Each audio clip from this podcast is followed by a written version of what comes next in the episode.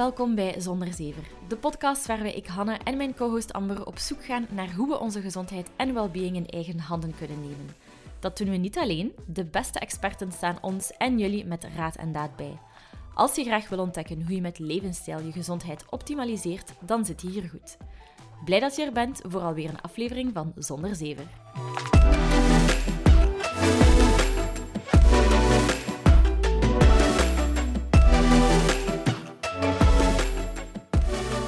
Vandaag zal je in de aflevering horen dat veroudering heel veel te maken heeft met voeding.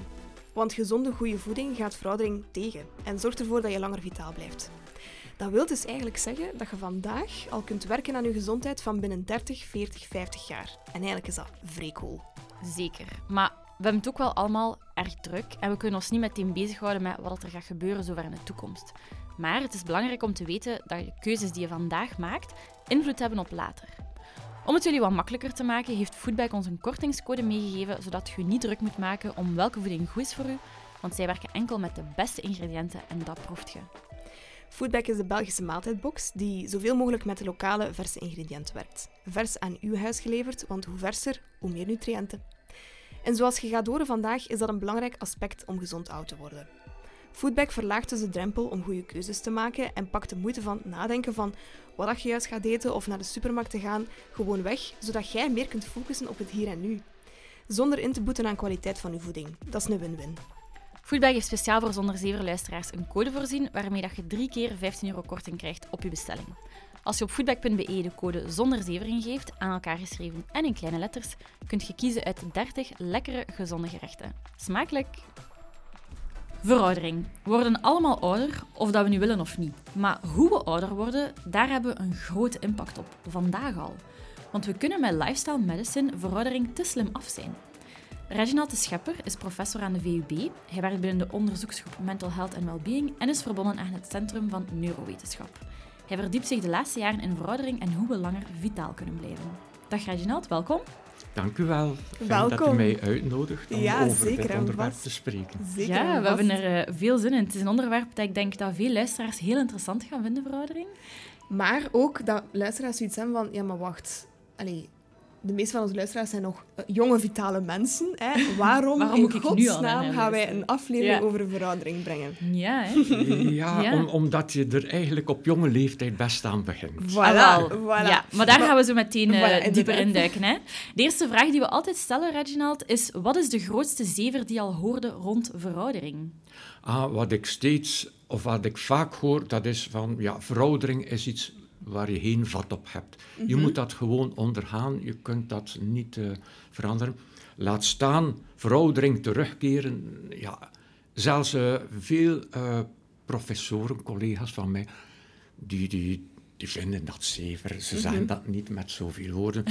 Ze geloven het niet. En ik moet zeggen, tot een paar jaar geleden geloofde ik het ook niet. Eh, maar ik heb me verdiept in die materie. En toen ik het boek begon te schrijven, ging dat nooit de titel krijgen, elk jaar jonger, want dat vind ik te vergaand toen. Maar studie na studie in de laatste Ja, paar jaar toont aan, we kunnen, verjongen, eh, we kunnen verjongen. We kunnen onze biologische klok terugdraaien. En wat we al zeker kunnen, dat is impact hebben op het verouderingsproces, waardoor we veroudering vertragen. En Ja. dus in plaats van al aan, aan 65 met alle soorten chronische ziektes, dat we dan nog vitaal zijn. Ja. Dus dat is zeker mogelijk.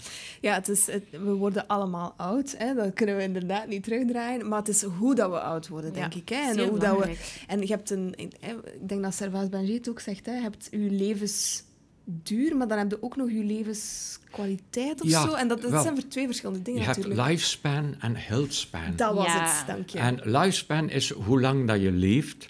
Healthspan is hoe lang dat je gezond bent. Ja. Of gezond leeft. Of een ke- een keer eh, een probleempje, oké. maar, maar wat dat we zien is dat eh, bij steeds meer mensen eh, er een soort aftakelingsproces begint. Waardoor dat ze, ze beginnen met een pilletje, dan nog een pilletje, dan een zware ingreep. En op den duur hebben ze meerdere chronische ziektes, waardoor dat hun levenskwaliteit echt eh, vermindert. Ja. En dat is ook de reden, als je vraagt van... eh, ja, wil je langer leven? Veel mensen zeggen nee. Omdat ze denken dat ze op een slechte manier lang zullen leven. Ja, ze hebben al die het beeld voor en- ogen van die 90-jarige mensen Mhm, die mhm. sukkelen, of zelfs 70-jarigen soms, die sukkelen, die in een woonzorgcentrum zitten, die hun verstand verliezen, Mhm, die niks meer kunnen doen, die Mhm. eh, incontinent zijn. mhm. En dat is afschrikwekkend. Ehm, maar ja, je, je kunt veel doen om, dat, ehm, om langer gezond te leven. En dus in mijn boek ook concentreer ik mij niet zozeer op eh, gewoon het leven verlengen. Nee, om gezond langer Ja, te leven. En, ja, dat, ja. ja, en de kwaliteit. Ja. Ja, Mhm, ik, vind dat, mhm. ik, ik ben al super excited. Het, eh, de gedachte dat dat kan. Want ik denk inderdaad dat heel veel mensen denken van... Ja, oké, eh, tegen mijn 70 zal ik eh, wel wat veel pilletjes moeten pakken. Of ja, tegen dan zal ik wel in het rusthuis zitten. Maar het hoeft niet. Je kunt echt wel impact hebben op hoe vitaal je bent. Hè? Ja, ja. Eh, de, de basis is eigenlijk gezonde levensstijl. En daar kunnen we, iedereen kan daar nu meteen aan Mhm, beginnen. mhm. En, en dat is heel belangrijk. Wat dat je eet, een beetje voorzichtig zijn, eh, op dingen letten. Dat betekent niet, want ik ben ook niet iemand die eh, helemaal volgens het boekje eet. Ik Mhm. maak dikwijls eh, fouten. Dus ik eet soms wel een keer dingen die, waarvan ik zeg, ja, dat is niet optimaal. Maar goed, als je zorgt dat de basis goed is, het meeste dat je eet goed is, dan ben je al eh, goed op weg. Beweging ook, omgaan met stress. Dus Mhm. Ja. wat ik in mijn Ja. boek beschreven heb, je Ja, leefstijl ja. als medicijn, eigenlijk zeven pijlers, waar je ja. kunt opletten. Ja. En ja, daar kom je al een heel stuk mee. Mhm, Eh, mhm. Maar nu, de laatste jaren, komen we in een nieuwe fase waarbij dat wetenschap nieuwe zaken aanreikt om ons nog eens, ja, toch op een vrij spectaculaire manier langer jong te houden. En Oeh, daar heb ik interesse in. Maar misschien eerst, ehm, Reginald, wat is dat verouderen en wat gebeurt er specifiek in ons lichaam? Ja, verouderen, je kunt dat op verschillende manieren definiëren, maar hoe ik eh, het heel duidelijk maak, dat is eigenlijk een exponentiële toename van eh, de kans om ziek te worden en te sterven. En ik leg dat even uit. Vanaf eh 11 jaar begint het risico om te sterven jaar na jaar toe te nemen. Nu, als je 15, 20, 30, 40 jaar bent, een verdubbeling om de 8 jaar van het risico is nog altijd een zeer klein risico. Mhm. Maar vanaf 65, 70 jaar ja, eh, wordt dat eh, wel serieus. En ja, ik kan u de grafiek niet tonen, maar de grafiek toont dat al die eh, ouderdomsziektes Mhm. eh, plots vanaf 65 als een pijl de lucht inschieten. Dus het risico dat je hartinfarct krijgt, dat je kanker krijgt, dat je dement wordt, vanaf 65, 70, 75. Ja, en uiteraard, dat moet bijna, want tegen dat, eh, tegen dat we 100 zijn, is bijna iedereen gestorven. Maar daarin, daaraan kunnen we stilletjes aan iets doen. Ehm, dus En, dat, dat sorry, is... mag ik iets vragen? Waarom vergroot die kans dan vanaf die leeftijdscategorie? Is dat omdat onze cellen zwakker worden? Of is dat dus... Ja, aan wat ligt dat dan? Ja, er zijn ehm, in de voorbije jaren, eh, ongeveer tien jaar geleden, is er een belangrijke studie verschenen waarin dat men de hoofdkenmerken van veroudering beschrijft. Mhm. En dat zijn negen kenmerken. Eh, bijvoorbeeld verlies van stamcellen. Ja. Door stamcellen kun je Ja. zorgen dat Mhm. eh, organen die verslijten hersteld worden. Mhm, Dat zorgt voor herstel. Eh, verkorten van telomeren. Ja, als onze Mhm. telomeren verkorten, dan lopen het risico dat er allerlei fouten gebeuren bij Celdeling. celdeling. Ja, ja. Dan ook het DNA wordt instabiel. Je krijgt allerlei foutjes bij de celdeling. Ehm, en ook eh, een belangrijke, dat is eh, epigenetische ruis, en dat moet ik even uitleggen. Mhm. Ja. Dus op onze genen, eh, op ons DNA, komen er eigenlijk eh, een soort chemische stofjes, methylgroepen. En die zorgen voor een soort eh, ja, ruis, waardoor dat de informatie niet goed meer kan gelezen worden. Je, je kan het vergelijken met een cd waar dat er krasjes op komen. In het begin ook allemaal geen probleem, maar met de tijd, diepe krassen, de muziek wordt niet meer, kan niet meer goed afgespeeld worden. Eh, dus dat is ook een van de oorzaken. Wat is er nu wel weer interessant? Men heeft ontdekt dat die informatie niet verloren is. Dus als je die krasjes wegneemt, komt de goede informatie weer boven. En ehm, die techniek bijvoorbeeld gebruikt men nu om, eh, ja, om eigenlijk cellen opnieuw te verjongen. Men neemt dus die epigenetische ruis weg Amai. en men kan cellen verjongen. Het klinkt eh, ongelooflijk. Klinkt zoals science fiction. Science Maar- fiction, ja. Eh, ja, het, het is gebaseerd op, op Yanamaka, een, eh, een Japanse onderzoeker, die daarvoor de Nobelprijs gekregen heeft. Dus je kunt niet zeggen dat het ergens obscure eh, wetenschap is. of, eh, Zo pseudowetenschap. Nee, Nee, het is echt Nee, nee, het is science. echt eh, heel, eh, heel eh, recente en eh, baanbrekend onderzoek. Misschien ook, waarom verouderen sommige mensen beter dan andere mensen? Mhm. Ja, eh, voor een stuk.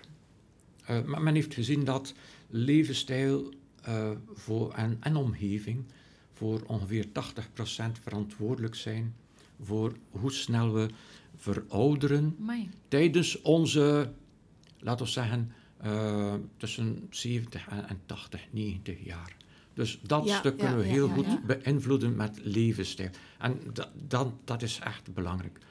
Maar je hebt ook mensen, eh, ja, ik heb nog een foto getoond gisteren tijdens een presentatie, een vrouw van 109 en die heeft bijna geen rimpels. Mhm, En mhm. ja, dan What's her is, dat? Ja. dan, dan is dat niet meer eh, zomaar levensstijl. Zij heeft de genen, eh, Zij heeft de genen ook longevity nog wel mee. genes. Ja, ja, ja. Zij heeft dan dat geluk dat ze een aantal genen heeft die Ja. voor herstelprocessen zorgen. Mhm. Ja.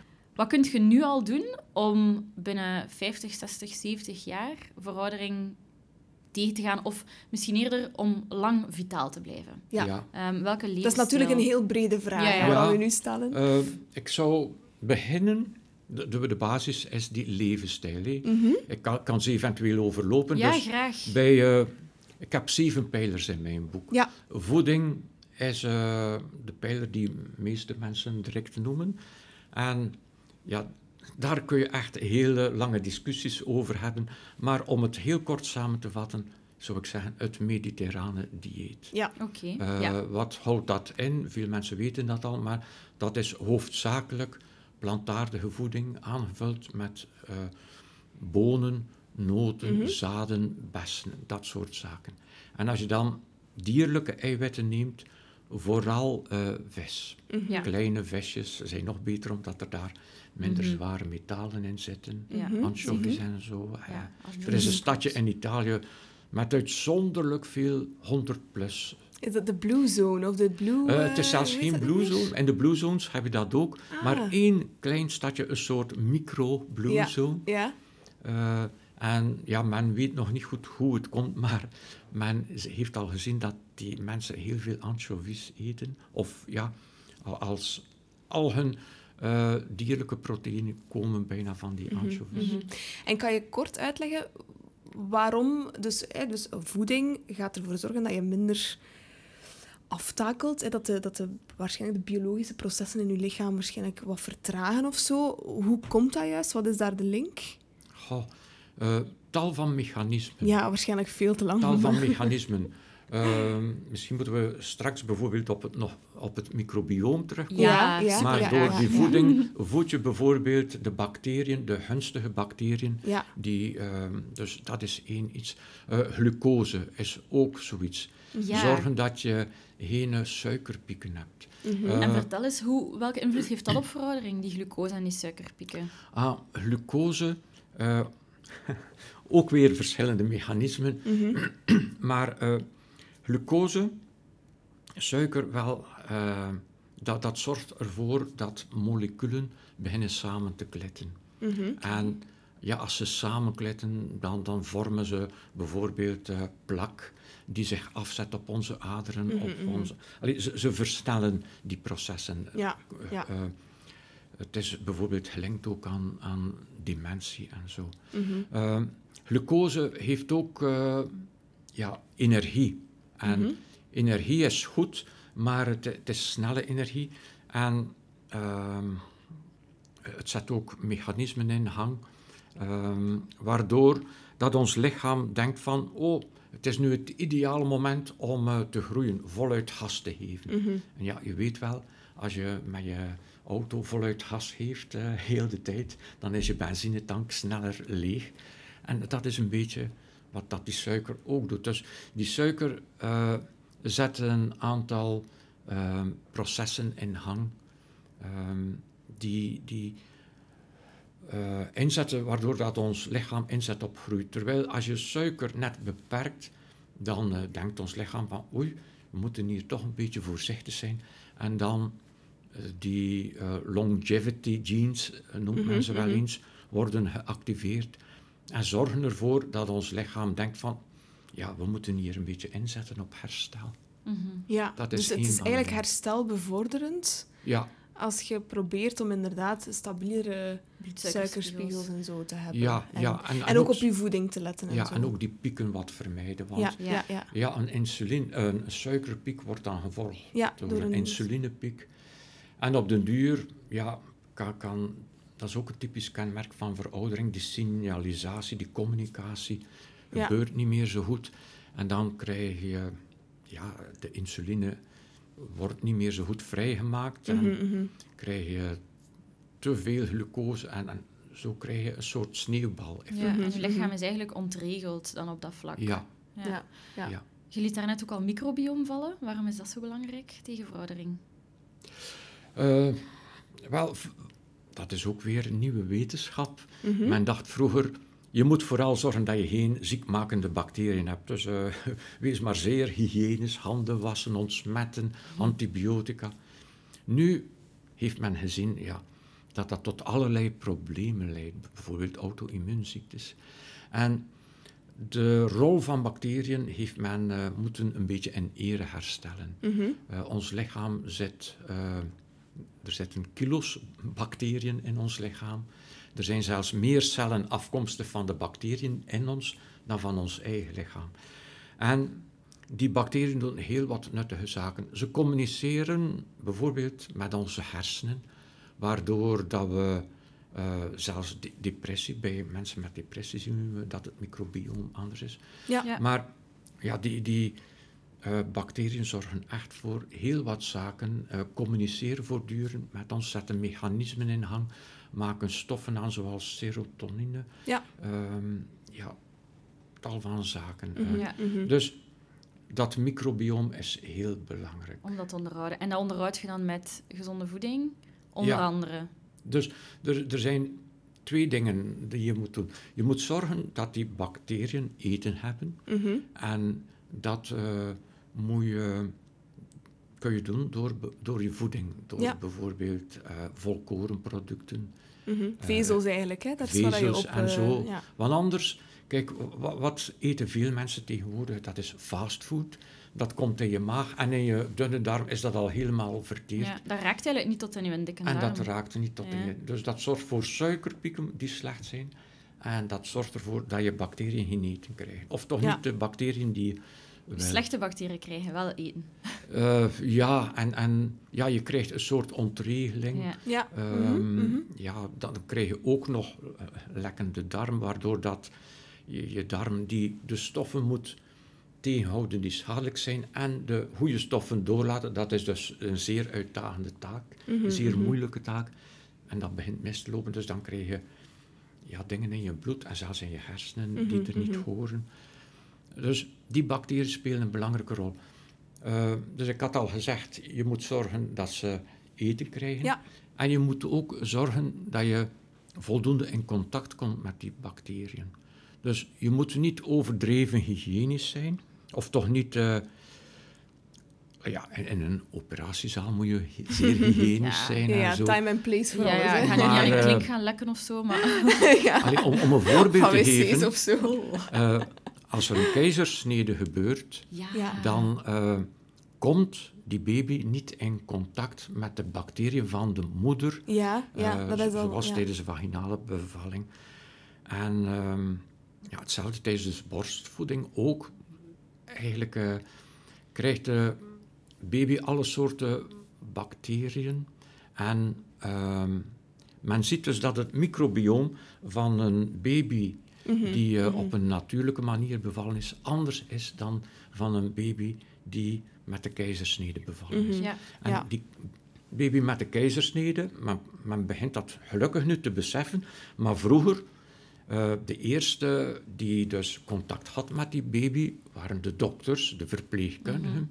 En die Die proberen dat ook allemaal heel eh, hygiënisch te doen, Mhm. maar ja, het gebeurt in een ziekenhuis. Wat, wat zit er in een ziekenhuis? Ziekenhuisbacteriën. Dat is niet de gezondste omgeving. Dus, maar goede bacteriën, zoals eh, en thuis in de natuur, dat Ja. is eigenlijk... eh, Wat dat ze nu ook doen met eh, vrouwen die met een keizersnede bevallen, in sommige ziekenhuizen beginnen ze dat te doen, ehm, is eigenlijk een soort van uitstrijkje Ja. nemen van de vagina, van de, Ja. van de mama, en dat dan gewoon op het lichaam van de baby doen, zodat Ja. de baby dan toch die bacteriën binnenkrijgt. inderdaad, Ja, dat is of een de van baby, ja, inderdaad, technieken, een van de ja. technieken. Of de baby in plaats van direct de navelstreng door te knippen en weg te pakken met de gynaecoloog of de vroedvrouw, die eerst op eh, de huid Ja. leggen en de navelstreng volledig een uur laten ongeveer uitkloppen, laten, uit, allee, ja, laten uitkloppen.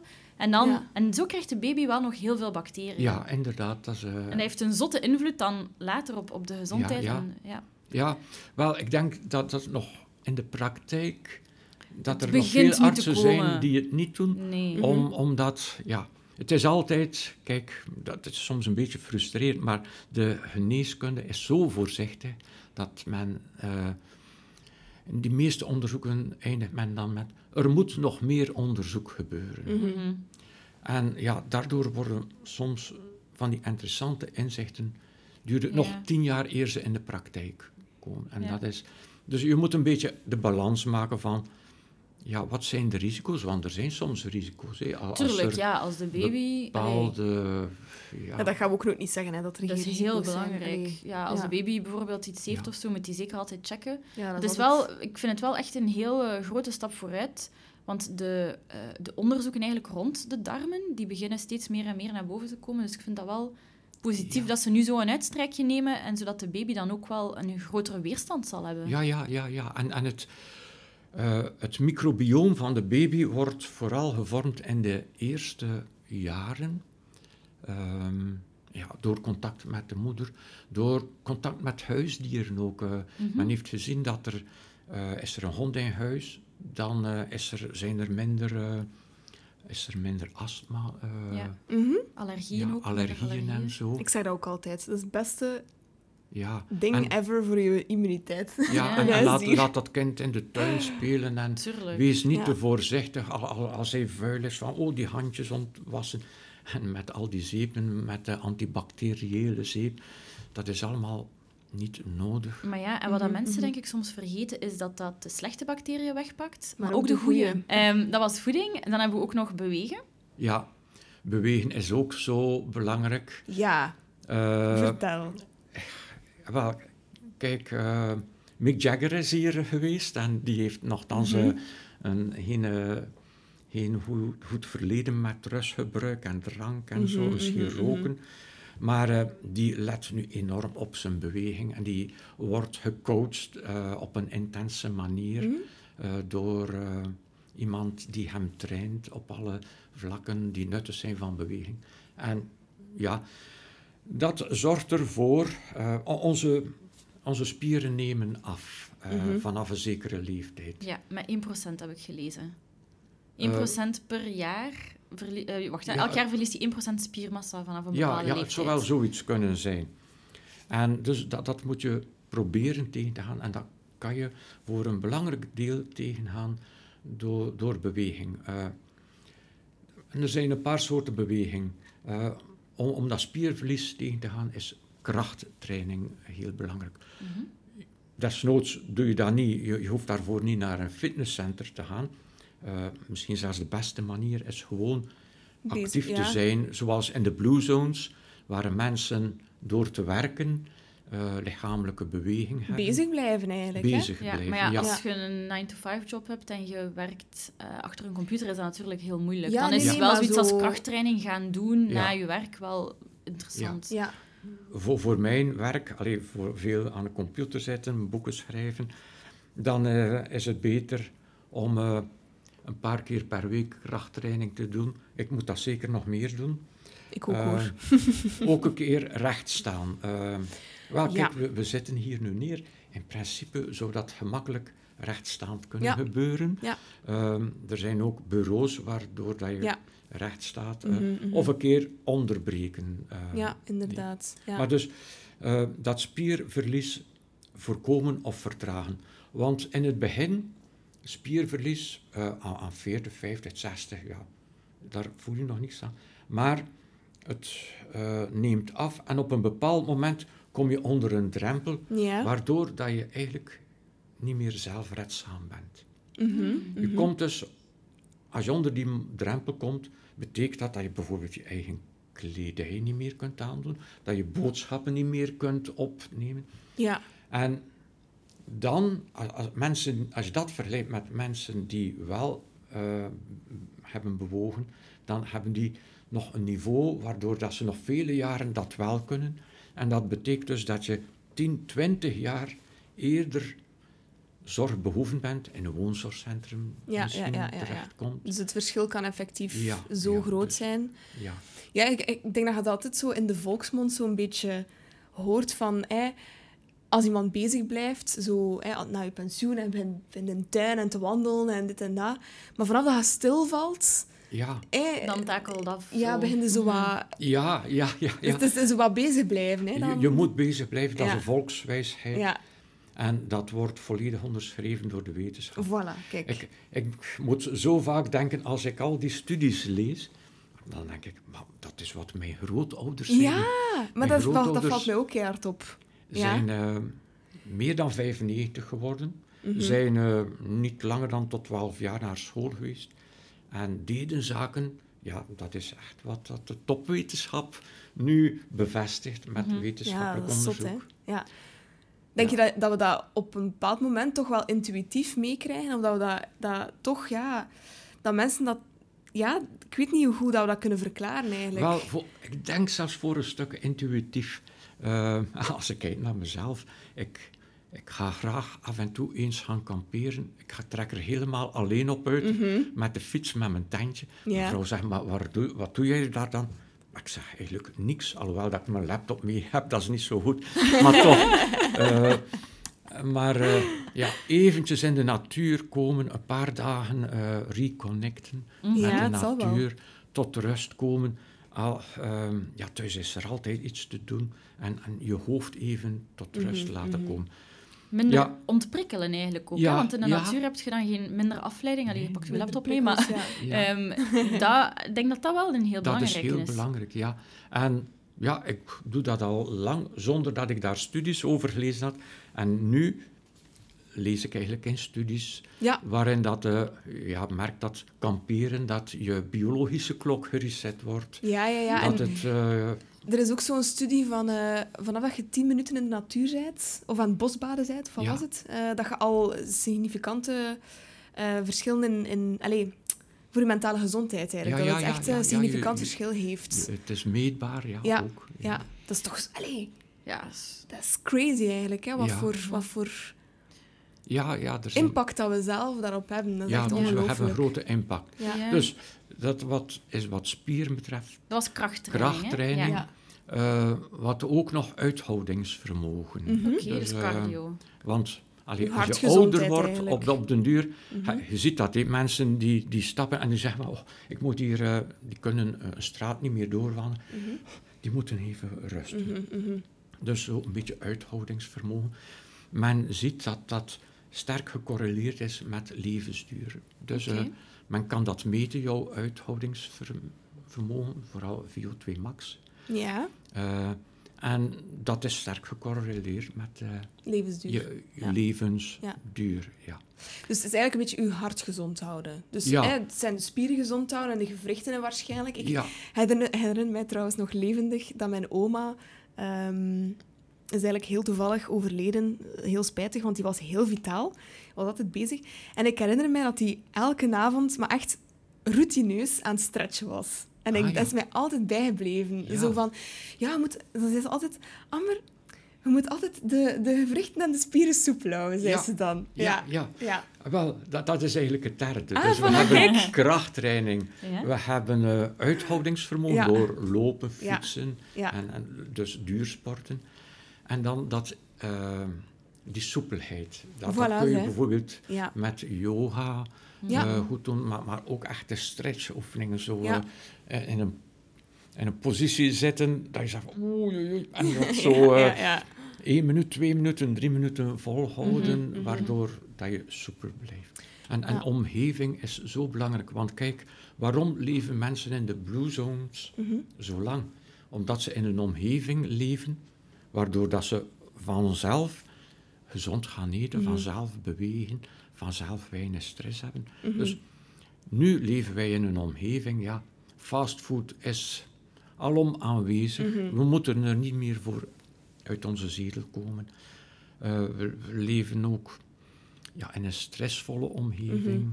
We hebben dan nog de vervuiling die ook een rol speelt. Dus dat zijn allemaal zaken die, niet zo, die we niet persoonlijk in de hand hebben. Men heeft gezien dat mensen die in een omgeving wonen met veel fastfoodrestaurants, dat je daar 40% meer kans op obesitas hebt. Mhm, mhm. Als men omgekeerd de reclame op fastfood verbiedt of een suikertax oplegt, ja, dan daalt onmiddellijk, allee, Ja, onmiddellijk na, Ja, na het een paar de- eh, ja. maanden of jaar eh, het aantal mensen met obesitas. Ja, Dus ja. die omgeving is zo belangrijk. Ja, ja. En Mhm, we mhm. denken persoonlijke verantwoordelijkheid, maar we mogen ook niet vergeten, heel veel gebeurt op een soort onbewust niveau. Tuurlijk. Bijvoorbeeld, we hebben het daar al gehad, die baby's, die hun microbioom, dat, dat, ja, dat gebeurt. En het is Mhm. ook altijd niet de schuld van de moeder dat die Tuurlijk niet. in een is ziekenhuis bevallen met. Natuurlijk niet. Nee, nee, nee, zeker Ehm, niet.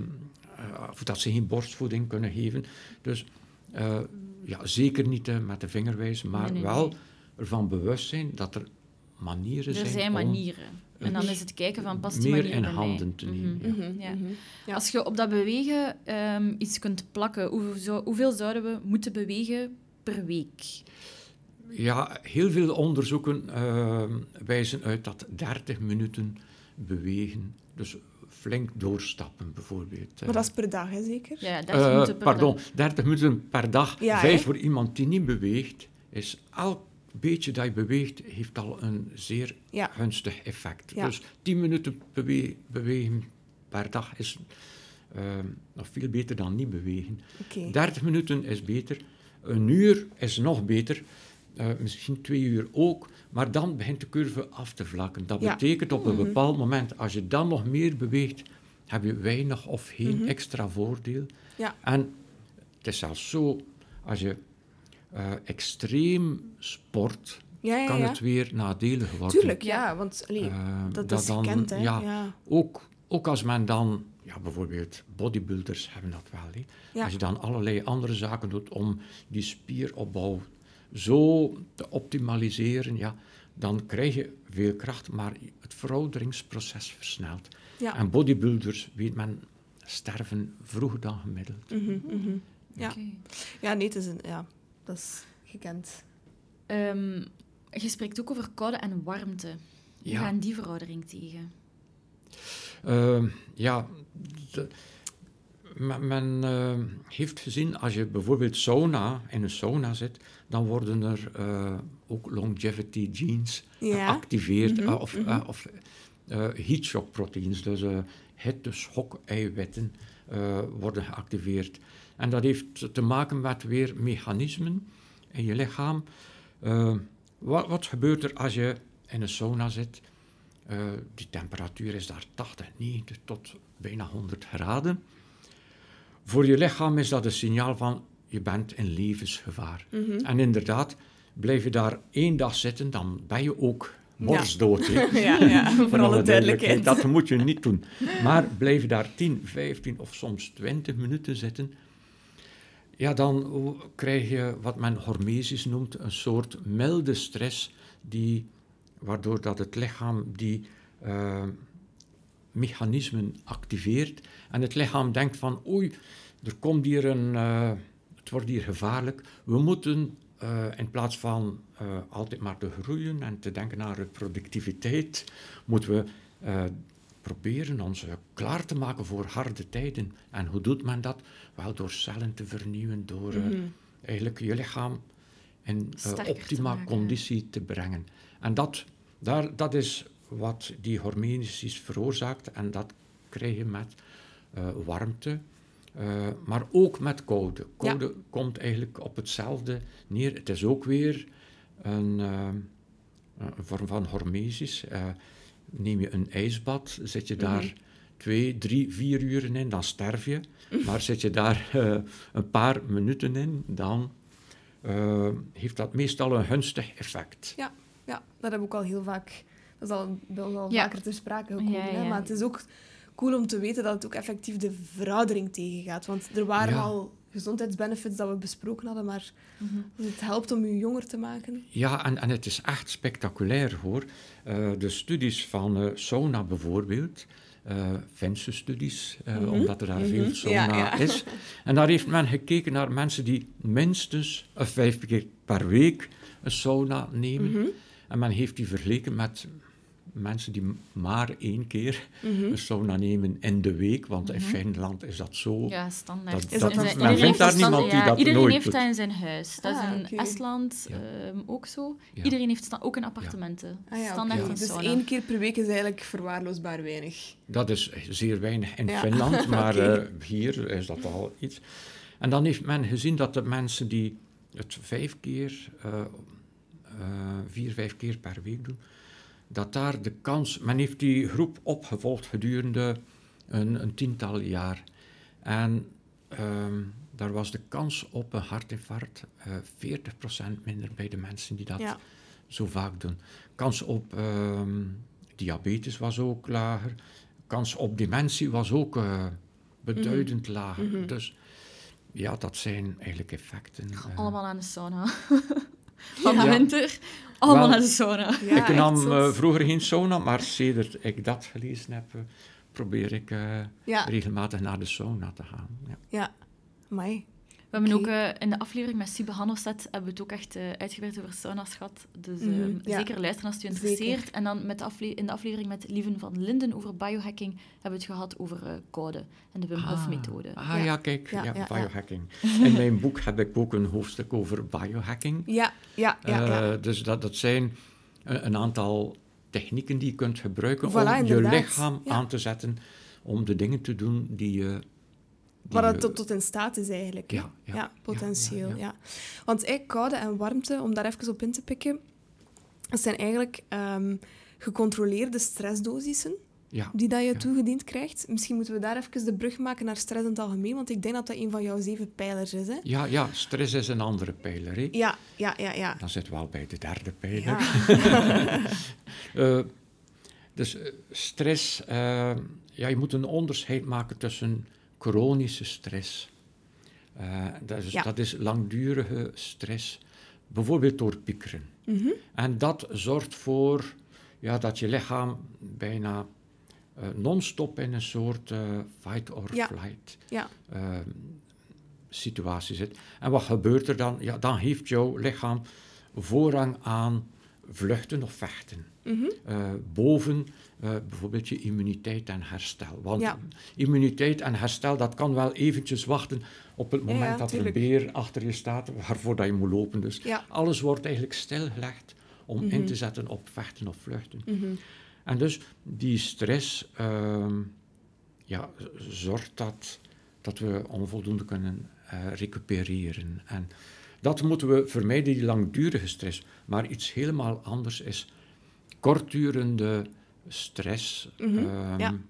hormesis, eh, die op een milde manier gebeurt, omdat dat net... eh, wel, het zorgt ook eigenlijk voor nadelige effecten, maar eh, op korte duur. En die worden dan super gecompenseerd Ah ja, daardoor. Ja. Kijk, denk bijvoorbeeld aan, aan sporten, dat is ook een vorm van stress. Mhm. Daardoor belast je je spieren, je hart, je hartslag gaat Ja. omhoog, je bloeddruk gaat omhoog en je krijgt eigenlijk microschade in je spieren. Dat zijn allemaal dingen die op zich niet goed denken de zijn. mensen... Maar, de spier, maar dat is normaal. maar dat, is- dat zijn normale reacties. En nadien, als je in rust bent, gaat, ga je dat overcompenseren. Ja. Dus door... eh, men ziet dus dat sportmensen eh, lagere bloeddruk hebben, lagere mhm, hartslag eh, en betere spieren. Dus allemaal Ja. dingen die gunstig zijn. Ja. Ehm, dus eh, die kortstondige stress is goed. Ook als je bijvoorbeeld even moet voor een publiek spreken, dat je stress hebt, ja, dat kan allemaal Ja. geen kwaad. Ook omdat je nadien dan, eh, Die ontlading terug hebben. ja, je, je hebt dan een goed gevoel.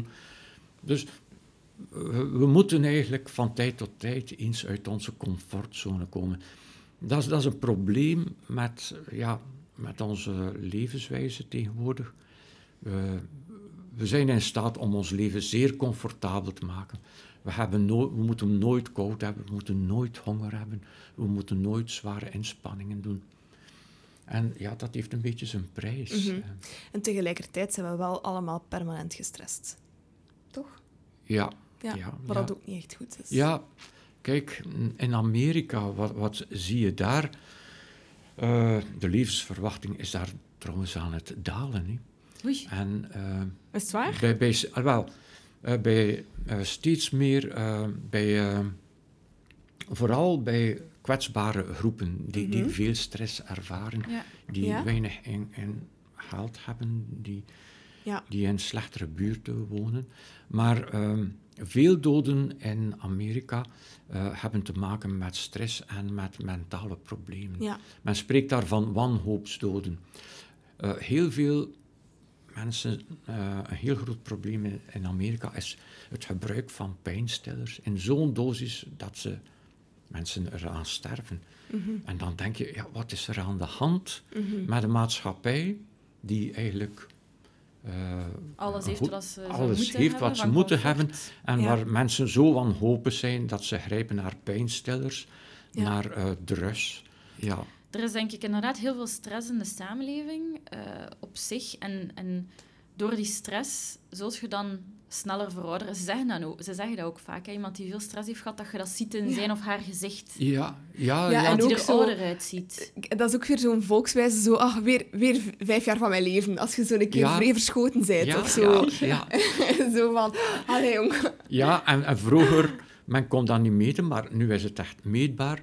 Bijvoorbeeld de telomeren. Ja, ja, ja, Men- ziet ja, ja, ja, stress, verkorte telomeren. Ja. Het is zelfs zo, heeft je moeder stress eh, tijdens de zwangerschap, dan heeft dat al een effect op de baby. Ja. En die, men, men ziet dat die baby's geboren worden met kortere telomeren. Dus ze beginnen het, hun leven al met een zekere achterstand tegenover mensen die in een... eh, Hoe, hoe, waar vind jij de tijd om al die wetenschap te lezen? en al die studies? Ja, eh, wel, kijk, ik heb het geluk, Ah. eh, of het geluk, ja, ik ben gepensioneerd. Eh, ik heb, het, het probleem is aan een universiteit, wordt er ook weer stress. Die mensen staan voortdurend onder stress, want die moeten publiceren, Ja, die moeten ja, is- binnenhalen en die zijn voortdurend daarmee bezig. Mhm, mhm. Die hebben geen tijd meer om de studies te lezen die voortdurend verschijnen. Maar dan Ah, verspreid jij die studies, hè, dus dat is, dat is ideaal. Ja, ja, en Toch Ik- nog bezig, hè? Bezig blijven. Ja, ja, en ik vind, ik vind het zo boeiend. Dus, eh, ja. Want Ja. is, is dat ook... Je ging iets zeggen, zeg dat. Ja, ik denk dat we hetzelfde gaan zeggen. Ah, Zeg ik er? ja, dus ik ging vragen, is, is cognitieve... Vragen. We zijn zo op elkaar Is, is eh, cognitieve uitdaging, ontwikkeling ook belangrijk? eh, maar ja, voor, zeker, eh, zeker. Ja, Gestimuleerd blijven, eigenlijk? Ja, ja natuurlijk. Ja. Dat houdt onder andere dementie tegen. Ja. Een, van de belangrijke factoren, ik heb gisteren nog iemand horen spreken, een onderzoeker in Nederland, die resultaten presenteerde dat cognitieve uitdagingen aangaan, dat dat dementie, het risico op dementie eh, serieus vermindert. En wat is dat? Dat is bijvoorbeeld een nieuwe taal leren Ja. of eh, wa- wa- wat, ik zelf mm, doe. eh, niet dat dat de reden was, maar Ja, mooi maar. ik eh, leer een nieuw instrument. Voilà, ja. En wat, wat, Eh. wat ben je aan het leren? Wel, ik heb heel mijn leven eh, bas gespeeld, eh, Ah. ook contrabas. En ik ben opnieuw begonnen met eh, viola da gamba. En ik vind Ah, dat niet makkelijk. eh, maar goed, ja. Mijn, eh, vrienden uit Hamburg zeggen, allee, kom, doe verder, doe Mhm. verder. Ik zeg, ik heb niet veel tijd. Zo. Ja, eh, maar ze ja. zeggen, allee, ja, je moet er, Nee, maar Reginald is goed hè, voor En, eh, thee te gaan. Ja, en ik vind, ik vind het niet makkelijk, want... eh, maar ja, iets- het is een uitdaging. iets het is nieuws een leren. cognitieve uitdaging. En dan Ja. denk ik, ja, als het niet makkelijk is, dat moet ik het dan zeker doen. Mhm. Ja, ja. Dus iets nieuws leren is echt wel, ehm, Ja. is echt Wel, denk- belangrijk voor de ontwikkeling van je brein, dat dat niet, dat dat Ja. niet krimpt. Ja, ik denk uw brein een complex probleem geven, wat dat, dat probleem dan Mhm. ook mag zijn. Hè? Want een, een instrument bespelen is en notenleer Dat- en motorisch. En, Mhm. Dus dat is met je hersenen heel veel aan het doen. Ik denk dat dat het belangrijkste is. Hè? Ja, ja, ja. Een andere, denk ik, van uw pijlers is slaap. Ja, oh, slaap, ja. Ja. Eh, slaap is misschien zelfs eh, een van de belangrijkste pijlers. Mm. Ehm, en, en ook het moeilijk. Kijk, het verschil met voeding en beweging, dat kun je zeggen van. eh, of je kunt minstens het gevoel hebben van: ik heb dat hier in de hand. Maar slaap eigenlijk niet. Ehm, en slaap is heel belangrijk omdat het sterk gecorreleerd is met het verouderingsproces. Dus Ja? als je niet goed slaapt, versnelt de veroudering. En je ziet het ook aan de mensen. Ja. Bovendien, je voelt je ook niet goed. Ehm, omdat tijdens slaap gebeuren er allerlei slaapprocessen. Ja. Mhm. En ehm, Voor te herstellen eigenlijk. Hè? Ja, ja in, in de hersenen, en ook, maar, maar ook ja, lichamelijk herstel, Mhm, immuniteit en zo. Kijk, men men heeft gezien, eh, als je één nacht minder dan vier uur slaapt, eh, de volgende dag daalt je immuniteit enorm. Eh, het aantal eh, natural killer cellen daalt met, met vele tientallen procenten. eh het Amai. Halveert of één, zo. één Eén nacht... nacht Eén nacht niet goed slapen en de volgende minder dag dan vier uur. Amai. is, is je immuniteit al heel wat zwakker. En ja, je zult het misschien zelf al ervaren hebben, maar als je een paar nachten niet goed slaapt, de kans dat je de week daarop eh, infecties krijgt, een, een verkoudheid, de griep Ah. of zo, Mhm. is merkelijk hoger. Inderdaad. We hebben ook een aflevering gemaakt. Meneer aan terugverwijzen continu naar Maar andere dat is wat ik afleveringen. dus ook zei, want uw boek is eigenlijk Samenvatting een van... samenvatting van alle seizoenen. Ehm, we hebben een aflevering gemaakt met Aisha Cortoos over slaap. Ehm, Twee echt een, ja, twee afleveringen. Echt een heel interessante aflevering waarbij dat ze dus vertelt over hoe dat je beter kunt slapen, slaaphygiëne, ehm, welke invloed dat ook slaap heeft op gewoon je algemene gezondheid. Ja. Dus als je daar interesse in hebt, zeker gaan luisteren. Ehm, Ja. Kan u zeker helpen om ook beter te slapen.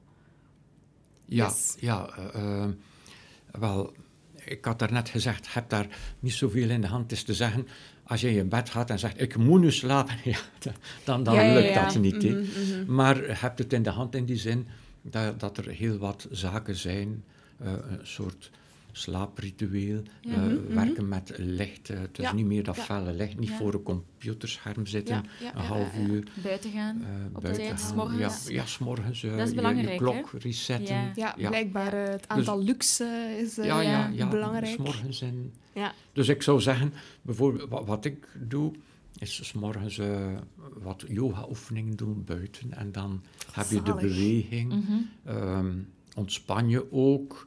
Ehm, en, en heb je dat effect voor je slaap ja. ook, dat, Ja, dat je zeker. biologische klok. Want je zet, eigenlijk als je naar buiten gaat, eh, allee, of als je buiten Ja. 's morgens, dan zet je je circadiaanse ritme. Allee, Ja. je zet dat aan. ja.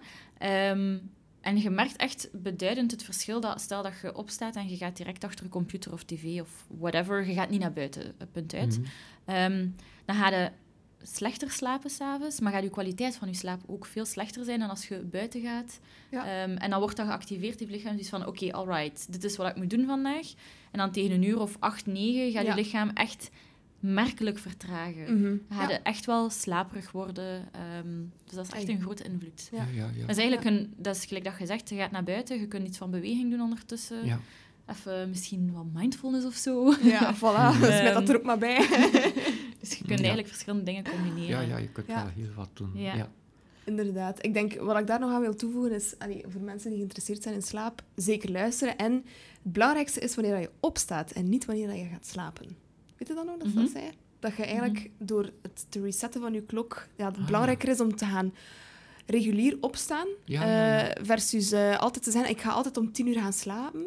Is eigenlijk gemakkelijker, allee, of beter om te zeggen, ik ga altijd om zeven uur of om Ja. half acht opstaan. Ah, ja, Ja. ja, ja. En dat dan eigenlijk uw ritmes ehm, gemakkelijker eh, ja, in sync komen met wat je nodig hebt. ja, ja, Dus, ja. voilà. ja. Kleine toevoeging. Ja, maar dat is een, een hele interessante pijler, Ja, die slaap. ja, ja, ja. Je hebt het daarnet ook al gehad over ehm, connectie Ja. met elkaar. Ja. ja. Och, ja, ja. Daar ben ik echt wel benieuwd naar En wat dan, je dan nu zijn gaat we zeggen. bij de sociale pijler. Ja. Wel, kijk, dat is een van de pijlers waarvan dat ik zelf ehm, nog steeds weer denk van... eh, ik, ik wist niet dat die zo belangrijk was. Ja, Dus ik, ik lees eh, in de literatuur dat eh, het gebrek aan ehm, connectie, sociale connectie, even of nog slechter is als het roken van 15 sigaretten per dag. en dan nog een keer ergens Mhm. gehoord. Ja, bij Lieven van Lin, eh, bij Lieven Ja. Allemans, sorry. Ah, kijk. Ah ja, kijk, Ja. en dat is eh, gebaseerd op een, een, eh, een systematic review eh, en meta-analyse. Dus men heeft gekeken naar 148 studies heeft men gevonden over het effect daarvan, eh, van die sociale connectie. En men heeft al die resultaten samengebracht. Dus dat is eigenlijk eh, Een een zeer betrouwbare Ja. studie. Ja. Ja. Een studie van al de studies. Maar de data wijzen uit dat, eh, ja, dat je gewoon langer leeft eh, daardoor. Ja, En- ik denk de, de, het belang van sociale, sociaal contact, één, maar ook sociale connectie, Mhm. wordt heel hard onderschat. Dat maakt ons gelukkiger, dat doet ons langer leven, dat maakt ons letterlijk gezonder. ja, ja, ja. Maar en weten we eigenlijk waarom? Want hè, dus die metastudie heeft waarschijnlijk uitgewezen dat er een soort van verband is, maar weten we ook wat dat, de, wat dat dingen zijn dat daarachter liggen, Ja. de mechanismen? Eh, m- men, ja, het basismechanisme is waarschijnlijk dat dus, eh, stress zo belangrijk is. En die stress eh, heeft een impact op herstelprocessen. En als je dan eh, sociale relaties en connectie zorgt voor een buffer voor die stress. Ja, ja. In de Blue Zones is het ook zo hè, dat mensen heel veel connectie hebben met elkaar. Ja. Eh, met een heel sterk sociaal netwerk. Ja, eh, dat, dat ziet men in al die zones waar mensen lang leven, dat ze daar heel veel tijd samen doorbrengen. Jong. Om, Ja. eh, om te eten, maar ook, eh, ja, ook weer, dus ik kom van Italië, wat doen ze daar? De zondag, een lange tafel en Oh, alle en mensen zitten daar samen en ze nemen daar echt meerdere uren voor om samen te zitten en Ja. om met elkaar te spreken en ze komen tot rust. En, Voilà, en echt zo die diepe connectie pakken en niet zo in een eh rapke gaan eten samen en ondertussen zit Elft op zijn gsm.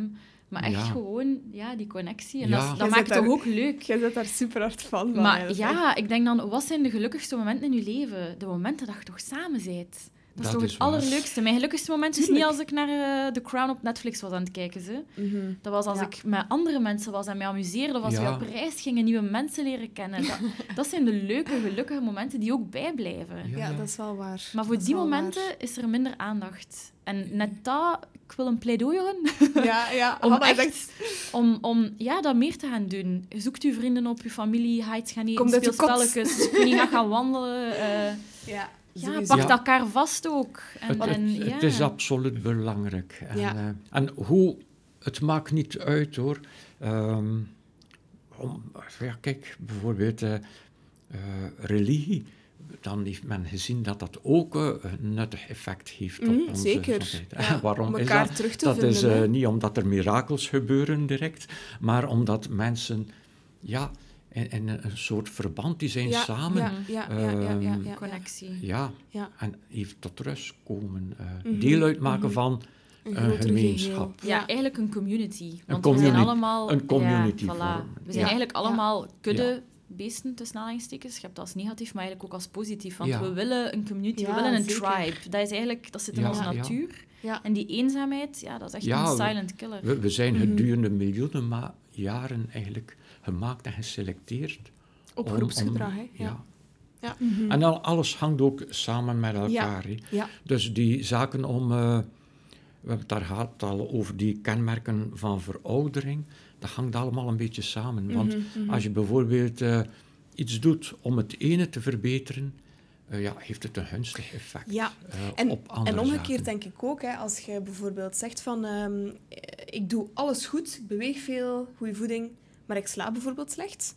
Ehm, hè, slecht slapen zorgt voor ook dat sneeuwbaleffect. Ja, Van, je gaat dan ook hè, misschien minder beginnen bewegen, want je bent moe en dan gaat het op je voeding. En dat is zo, weet je, dat, dat kan Ja, ja. een katalysator zijn voor zowel in de goede beweging als Ja, in de ja, slechte dus, ja. bewegingen. Ja. inderdaad. Ja. Ja, er zijn eigenlijk echt heel veel aspecten waar dat we het al over gehad hebben in de podcast, die eigenlijk bijdragen aan uw gezondheid vandaag, maar ook aan uw gezondheid later. Ja, Ehm, eigenlijk wel. Dat is een goede conclusie. Dus alles wat dat je kunt doen vandaag, zal uiteindelijk ook een positief effect hebben op hoe dat je later oud zou kunnen worden. Ja, ja, ja, Ja. Dus je moet eigenlijk op jonge leeftijd al wat... Beginnen. Mhm. Ja. Ja. Oké. Mooi. Ehm, we hebben altijd een laatste vraag eh, die we stellen, Reginald. En dat is, wat is zonder zeverleven voor jou? En dat mag over eender wat gaan. Wat is zonder zever? Ja, hmm, die had ik nu niet verwacht. maar eh, ik zou zeggen, eh, niet alleen langer leven, maar ook op een kwaliteitsvolle manier leven. Ehm, ja, eh, gelukkig zijn in de zin van eh, iets betekenen voor een ander, iets zinvols kunnen doen. Mhm. Dat is iets anders dan gewoon het momentale, momentane geluk van elke dag nastreven. Maar ja, deel uitmaken van eh, een groter verhaal, Ja. waardoor dat je eh, je leven zin heeft en waardoor dat je ook weer die sociale connectie met anderen hebt. Super. Super. Ja. Kijk, ehm, ik zou zeggen, want we hebben denk ik nog heel veel niet aangehaald. Eh, het is nog maar net uit, hè? elk jaar jonger, Ja, eh, jouw boek. Eh, het staat hierin, het gaat over eh, voeding, over microbioom, microbioom, sorry, over beweging, over kou en warmte. Ehm, je hebt het over biohacking. Dus ik zou zeggen, eh, zeker een aanrader om in Ja. huis te halen. Ehm, voilà. Dus ik denk dat we voorlopig genoeg weten. We weten Allee, we weten we kunnen aan de maar- slag. We kunnen Ja. aan de slag, dat is het belangrijkste. Ik hoop dat jullie het ook allemaal heel interessant vonden. Ehm, we zijn blij dat we een keer een aflevering hebben gemaakt, dat een keer alles samenvatten. Ja. Dat is heel tof. Ja. Ehm, ja, en dan eh, horen we jullie sowieso in een volgende aflevering. Bye bye! Merci.